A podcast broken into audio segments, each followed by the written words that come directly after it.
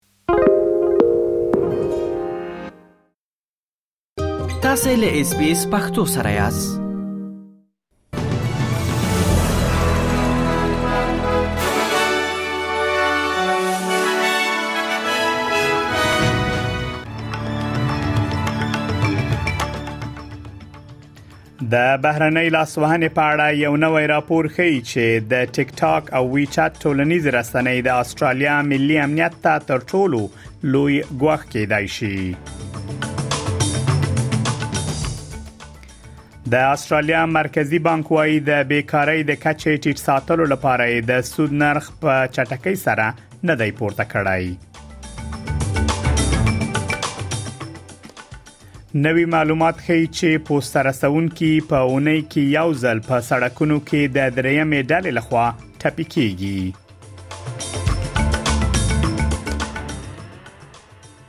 او د لویدیځ افریقا هیوادونو د نایجیریا د کودتا مشرانو ته یو اونۍ وخت ورکړی ترڅو د یاد هیواد په دیموکراتیک ډول ټاکل شوی ولسمشر ته بیرته دراتلو اجازه ورکړي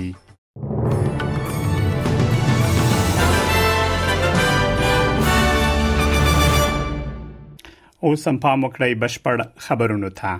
د بهرنۍ لاسوهنې په اړه یو نوی راپور ښیي چې د ټیک ټاک او وی چاټ ټولنیز رسنۍ د استرالیا ملي امنیت ته تر ټولو لوی ګواښ کېدای شي دغه دوه اپلیکیشنونه د چینایي شرکتونو لخوا جوړ شوي او تنظیم یې ګران کار دی کومې کمیټې چې دغه راپور برابر کړی د ټولنیزو رسنیو د ښه مدیریت او رونتیا لپاره یو ولس وړاندیزونه کړي دي او کچېره شرکت له یادو وړاندیزونو سرغړونه وکړي نو باید په استرالیا کې فعالیت بند شي د استرالیا حکومت په دولتي الکترونیکی وسایلو کې د ټیک ټاک کارونه منع کړې ده ترڅو د داس جاسوسي مخنیوي وکړي په داسې حال کې چې د ټیک ټاک او وی چټ د کارونې په اړه یو شمېر هیوادونه اندېښنې لري د دغه اپلیکیشنونو جوړونکو د جاسوسي لپاره د یادو پلیټفارمونو کارونه ردوي It's been relatively good news on inflation in Australia, around the world in the last handful of months. It's starting to look as if economies won't slow all that much as they bring inflation under control. But chances are, yes, unemployment does go up from here. That higher unemployment uh, benefit, long overdue, not enough, but very welcome.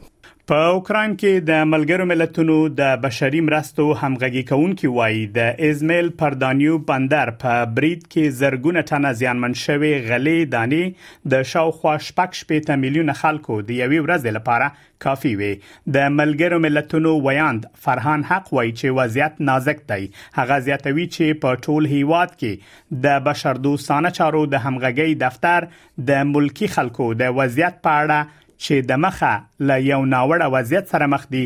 د خطر زنګ وهي ځکه د بریدونو شدت چې په هیواد کې مهمي ملکی زیربناوي اغیزمنوي احتمال لري چې بشري اړتیاوي لا پسې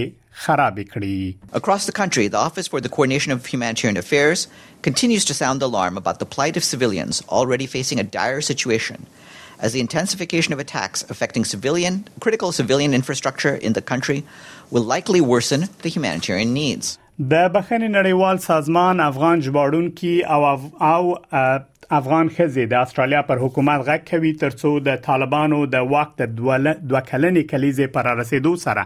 له دغه هیواد څخه د افغانانو په تیښته کې مرسته وکړي دوی وایي د استرالیا حکومت ته پکار ده ترڅو د بشردوستانه ویزو د غوښتنلیکونو بهیر چټک کړي او د بشري حقوقو هغه ظلمونه وغندي چې په افغانستان کې د طالبانو لخوا تر سره کیږي د بخښنې نړیوال سازمان کمپاینر زکی حیدری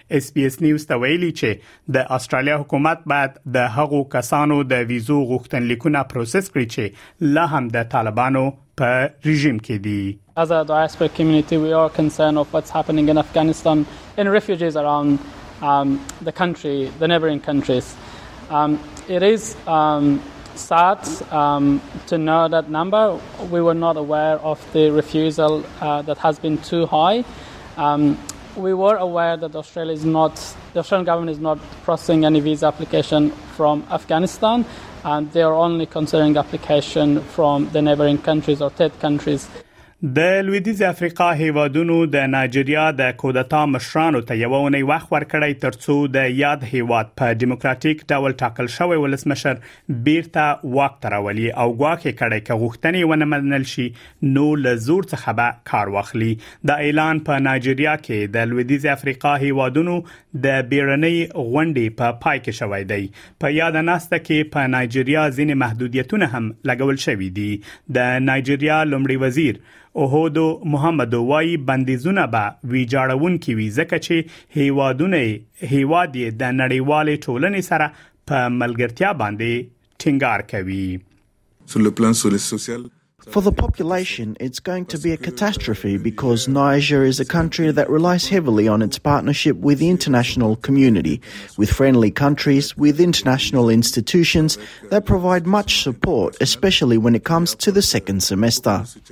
پرټیکولرمه ان څه کې کنسر یو نوې راپور ښیي سره لدی چې آسترالیان ډیری ل نور سره انلاین په اړیکه کې کیږي مګر بیا هم د یوازیتوب شمېرې په زیاتېدو دي د یوازېتوب پای ته رسولو په نامه د څیړنیزو سازمانونو د ملي شبکې موندنې ښیي چې د 13 او 24 کلونو عمر لرونکي کسان تر نورو زیات یوازېتوب تجربه کوي په دغه راپور کې د شاوخوا 4000 زره داسې کسانو تجربې شریکې شوي چې د 13 او 92 کلونو ترمنځ عمرونه لري په استرالیا کې له هر دریو کسانو څخه یو کس د یوازیتوب احساس کوي مګر بدنامي شرم او پراخه غلطفهمي د دې لامل ګرځي ترڅو یاد خلک د مرستې غوښتنه ونه کړي نوي معلومات ښیي چې پوسټر رسونکي په اونۍ کې یو ځل په سړکونو کې د دریمې ډلې لخوا ټپي کیږي امر ښیي چې په تیر مالی کال کې پنځه شپېته پوسته رسونکي د درېیمې ډلې ترافیکي پیښو په پایله کې ټپیان شوي دي په خبرو شویو آمارو کې لیدل کېږي چې په نیو ساوت ویلز کې د پوسته رسونکو د ټپي کېدو زیات شمیرې ثبت شوې دي د استرالیا پوسټ د خوندیتوب او هوساینې عمومي مدیر راټ مول وایي خلک باید په سړکونو کې ډیر محتاط وي هغه وایي چې پوسټ رسونکي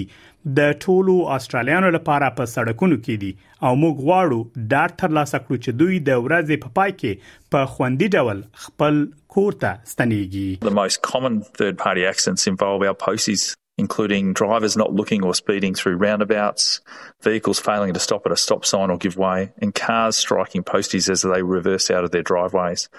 And we're also seeing a lot of vehicles following our posties at an unsafe distance, not leaving any room for error. Please keep an eye out for our posties. They're out on the roads delivering for all Australians, and we want to make sure they get home safely at the end of the day.